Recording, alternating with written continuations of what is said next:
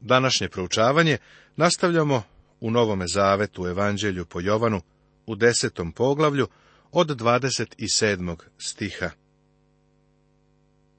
Moje ovce slušaju moj glas, i ja ih poznajem, te idu za mnom.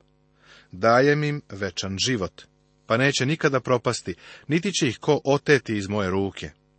Moj otac koji mi dade, veći je od svih, i niko ne može da otima iz ruke moga oca ja i otac jedno smo. Njegove ovce čuju njegov glas i slede ga. Pečat vlasništva na ovcama je poslušnost. Želiš li da znaš da li je neko spasen ili nije? Pogledaj da li je poslušan Hristu. Naše uši se moraju otvoriti za njegov glas. Uho koje čuje i oko koje vidi, oboje je gospod načinio, kažu priče, 20. poglavlju. Ja ih poznajem, Drago mi je da me neko poznaje. A tebi? Nekada me pogrešno shvataju, pa moram da objašnjavam ljudima. Međutim, njemu nikad ništa ne moram da objašnjavam. On zna kada dajem izgovor, zna kada izbegavam temu, razume me, poznaje me.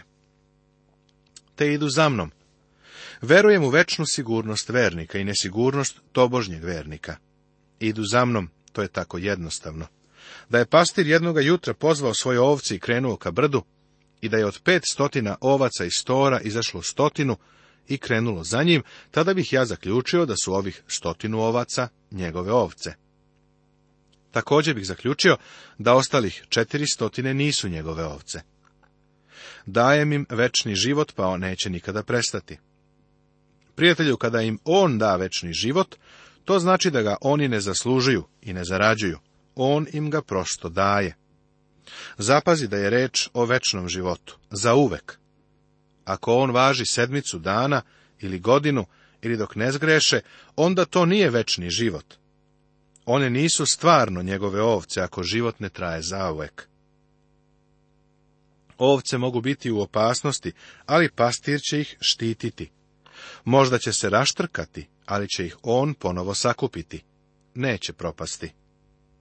Mogu li pasti? Da. Hoće li propasti? Ne. Ovce mogu upasti u obor za svinje, ali jedna ovca nikada tu nije ostala.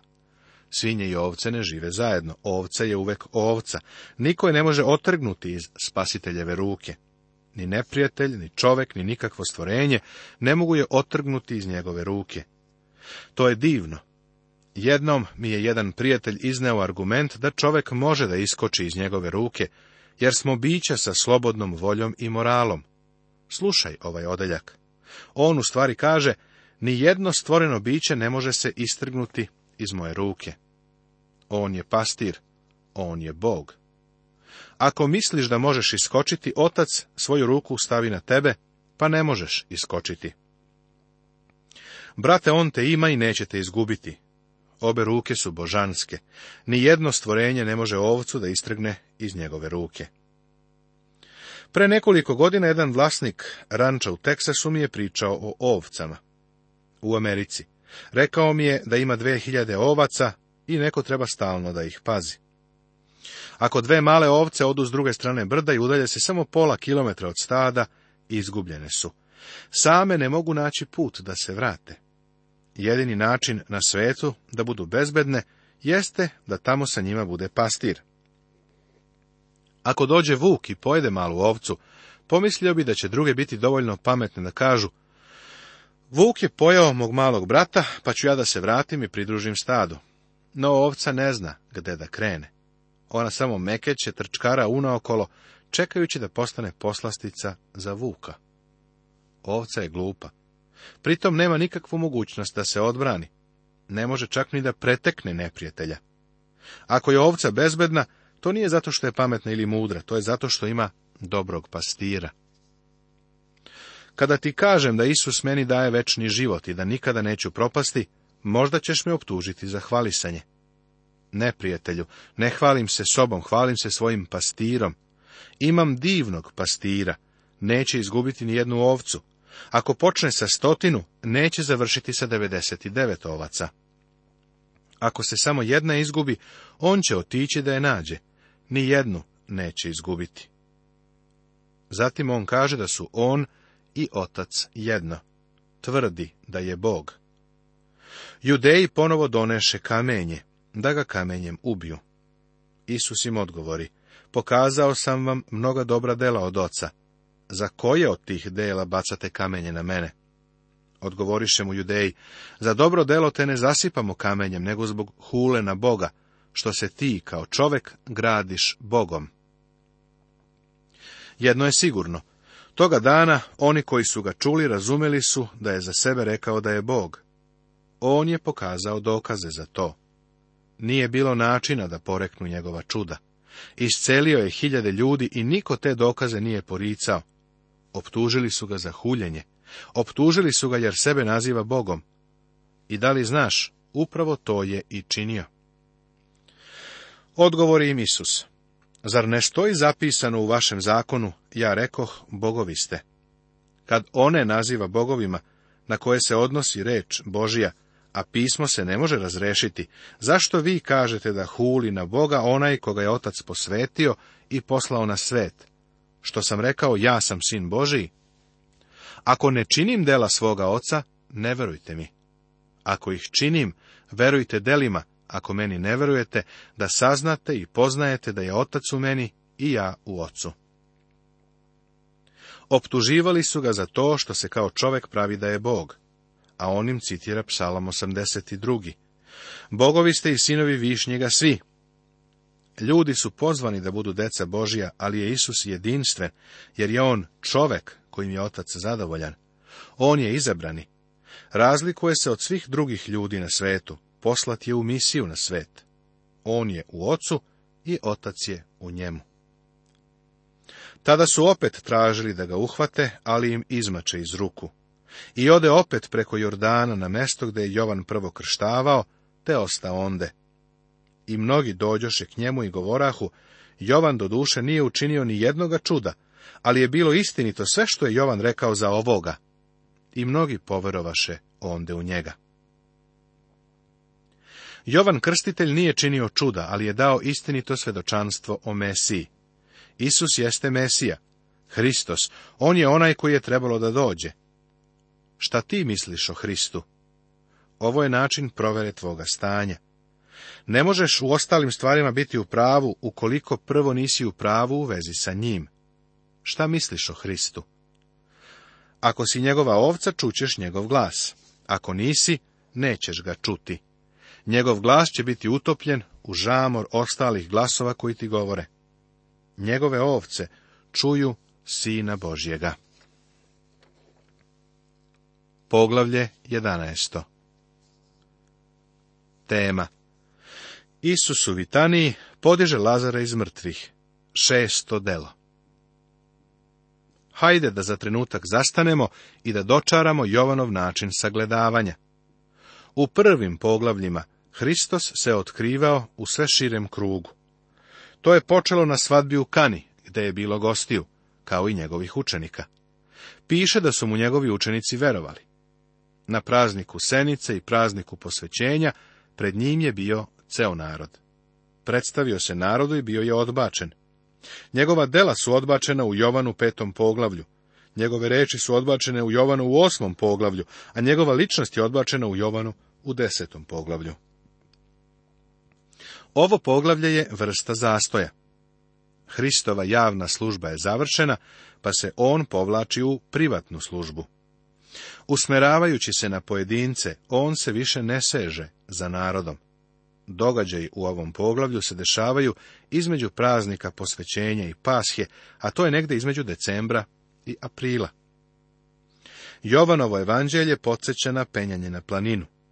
U svakom poglavlju nas dovodi malo više nego u prethodnom. Sjeti se da nam je Jovan rekao zašto je napisao svoje evanđelje. I mnoga druga čuda učini Isus pred učenicima, koja nisu zapisana u ovoj knjizi a ova su zapisana da vi verujete da je Isus Hristos, Sin Božiji, i da verujući imate život u njegovo ime. Ovo su završne reči Evanđelja po Jovanu. A da se vratimo na sam početak. U početku beše reč Božija, i ta reč beše u Boga, i Bog beše reč. I reč se ova ploti i stanova među nama. Dok je u telu hodao među nama, ovu istinu je potkrepljivao čudnim pričama i besedama. Sada je najveće pitanje ovo. Da li Isus može da podigne mrtve? U bilo kojoj religiji veliko pitanje se odnosi na smrt. Smrt je velika misterija, ali je život praktično besmislen ako nema vaskrsenja mrtvih. U vezi sa svakom religijom treba postaviti pitanje da li ona ima silu nad smrću. Liberalni teolozi su odavno odbacili čuda. Oni podržavaju stav da ništa čudesno nema u Bibliji, i to ne iz nekog naučnog razloga, nego prosto zato što oni ne veruju u čuda. Danas postoji sintetična doktrina koja zvuči otprilike ovako. Verujem u doktrinu koja se odnosi na ovde i sada, a ne na ono što sledi posle. Ne želim kule u oblacima, želim ovdje i sada da opipam religiju, religiju koja je praktična, a ne teoretska. E to je nešto što i ja želim, ali pored toga ja želim i nadu. Iako su nam mnoga dobra data već sada i ovdje, najveće dobro je večni život u Hristu Isusu. Vrlo je praktično postaviti pitanje, da li će mrtvi biti podignuti? Život je tako kratak. U poređenju sa večnošću, životni vek je beskrajno mali. Nedavno sam vodio službu sahrane jednog divnog hrišćanina. Bili su prisutni njegova majka i supruga. Sigurno je da su vaskrsenje smatrale vrlo praktičnim. Kada stojiš pored rake, ako nemaš nade, onda si u potpunoj neizvesnosti.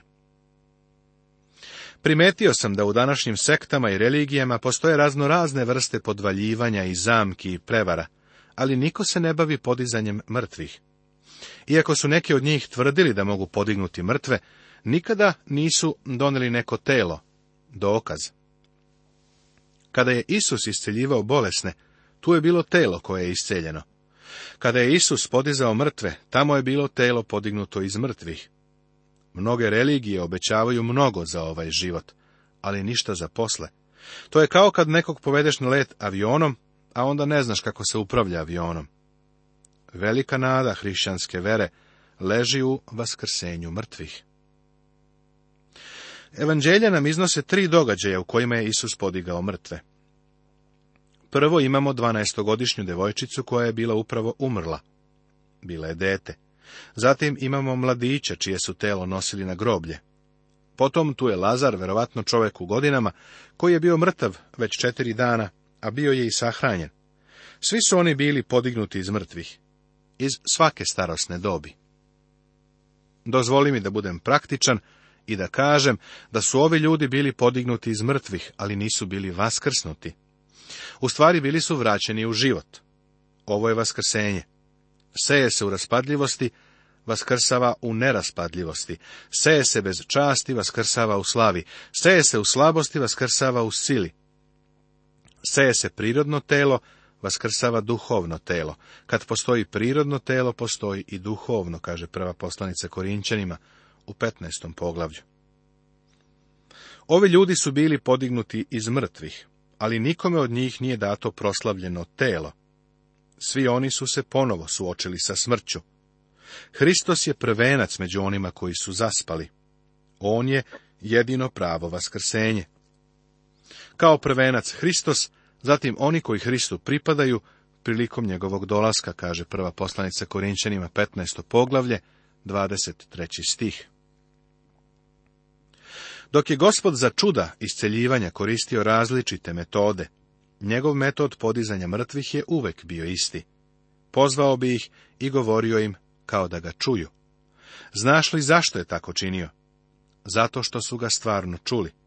Verujem da kada se uspoklič bude vratio, svako od nas će čuti svoje ime, jer će nas pozvati iz mrtvih. Hajde sada da počnemo sa proučavanjem poglavlja. Beše i jedan bolesnik, Lazar iz Vitanije, iz sela Marije i njene sestre Marte. A Marija, čiji brat beše bolestan, bila je ta koja je pomazala gospoda mirom i ubrisala njegove noge svojom kosom. Obrati pažnju na to da je Vitanija Marijino selo. Ovo je pisano oko 90. godine naše ere, a do tada su ljudi poznavali Mariju koja je pomazala Isusove noge mirisima. Miris posude koju je razbila još uvek ispunjava svet. Isus je rekao da će njeno delo posvećenja biti upamćeno i spominjaće se gde god da se evanđelje propoveda mišljenja sam da mnoge smerne osobe lome svoje posude od alabastera, posude sa uljem za pomazanje, i da će to u nebu biti mnogo cenjenije od mnogih dobro poznatih hrišćanskih vođa, o kojima se toliko priča ovde na zemlji. Bio je to Martin dom. Gospod je i ranije tamo išao u posete. Marta zauzeta i zabrinuta za pripreme oko večere. Isus joj je rekao da je bolje da sedne kod njegovih nogu, i da sluša šta on govori, nego da bude zauzeta drugim poslovima. Bilo je to Marijino selo i Marijin dom. To su različiti darovi. Neke žene imaju divan dar za domaćinstvo, samo priče o ženskoj slobodi. Ne znam da je iko veći šef od žene ili majke u kući. Istarati iz kuhinje, oterati od frižidera, kažete da se skloniš kad čisti usisivačem. Zadužena je za kuhinju i celu kuću. To je nekako poziv mnogih žena hrišćanki. Ima i drugih, onih koji imaju spoljašnu službu. One poučavaju na biblijskim časovima, časovima za evangelizaciju dece, rade pri crkvi. Upamti, prijatelju, žena koja služi u svoje kući i žena koja služi izvan svoje kuće, obe služe gospodu. Sveti duh daje darove za mnoge vrste službi. I sestre mu poručiše, gospode vidi, bolestan je onaj koga ti voliš. Ovo su smerni i ponizni ljudi. Oni ništa ne zahtevaju, ne traže. Oni Isusu iznose problem i puštaju da on odluči šta da uradi. Tako često u molitvama čujem kako ljudi zahtevaju da gospod isceli bolesne. Kada je Bog postao neko ko samo ispunjava naše zahteve, kada je postao konobar koji čeka na nas ili nosač da nam nosi kofere, on ne radi tako. Marija i Marta su poznavale gospoda. Gospode, vidi, bolestan je onaj koga ti voliš. Onaj koga ti voliš. Spasitelj je voleo Lazara. Pavle je rekao da ga je Hristos zavoleo. Jovan je sebe zvao učenikom koga je Hristos voleo. Petar je izjavio da nas Isus voli. I da dodam, on voli i tebe i mene. Svakoga koje je dete Božije, Isus voli. A kad Isus ču, reče, ova bolest nije na smrt, nego na slavu Božiju, da se njom proslavi sin Božiji. Vidiš, u to vreme Isus nije bio u Vitaniji, pa su mu poslali poruku. Neki ljudi kažu da hrišćani ne bi trebalo da su ikada bolesni. Da li je bolest Božja volja? Voleo bih da je Lazar ovde, da ti kaže. Bolest nije znak da te Bog ne voli. Doista sve ovo složih u srce svoje, da bih rasvetlio sve to kako su pravedni i mudri i dela njihova u ruci Božjoj, a čovek ne zna ni ljubavi ni mržnje od svega što je pred njim, kaže knjiga propovednikova u devetom poglavlju. Drugim rečima, na osnovu okolnosti ne možeš reći da li Bog čoveka voli ili ne. Nemaš prava da sudiš. Stoga nemojte da sudite ništa pre dok ne dođe gospod, koji će osvetliti što je skriveno u tami i obelodaniti odluke vaših srdaca. Isus je voleo Lazara kada se Lazar razboleo, i ne samo to, Isus će dozvoliti da Lazar umre, ali ga i dalje voli. A Isus je voleo Martu i njenu sestru, i Lazara. Pa kada čuda je on bolestan, osta tada još dva dana u mestu gde je bio. Isus te voli kada si bolestan, volite kada si zdrav, uvek te voli. Ne možeš ga sprečiti da te voli. Možeš ga pitati zašto dozvoljava da ti se izvesne teškoće dešavaju. Ja ne znam razloge za to, ali znam da te voli. Voli te bez obzira na to da li si hrišćanin ili ne. Ne možeš ga sprečiti da te voli. Ne možeš sprečiti da sunce sija, ali možeš se skloniti sa njegovog sjaja. Isto tako možeš otvoriti kišobran da Božja ljubav ne bi sijala na tvoj život. Pošto nas voli, sa hrabrošću treba da dođemo i da mu izložimo naš problem. Hrabrost podrazumeva slobodu govora, otvaranje srca pred njim. Hrabrost ne znači da od Boga zahtevaš nešto. Nevolje su ispit naše vere i dovode nas na kolena. Mojsije je stalno vapio gospodu kada su se problemi javljali na putovanju kroz pustinju. Jezikija je uzeo preteće pismo od Asiraca i iznao ga pred gospoda.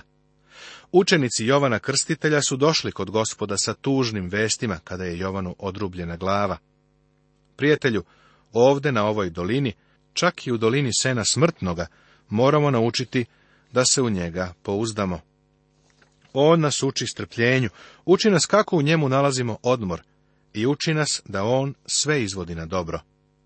Treba da pogledamo iza suza, iza tuge, iza životnih nevolja i da vidimo da u svemu što se dešava, Bog ima svoj razlog. Nastavit će se.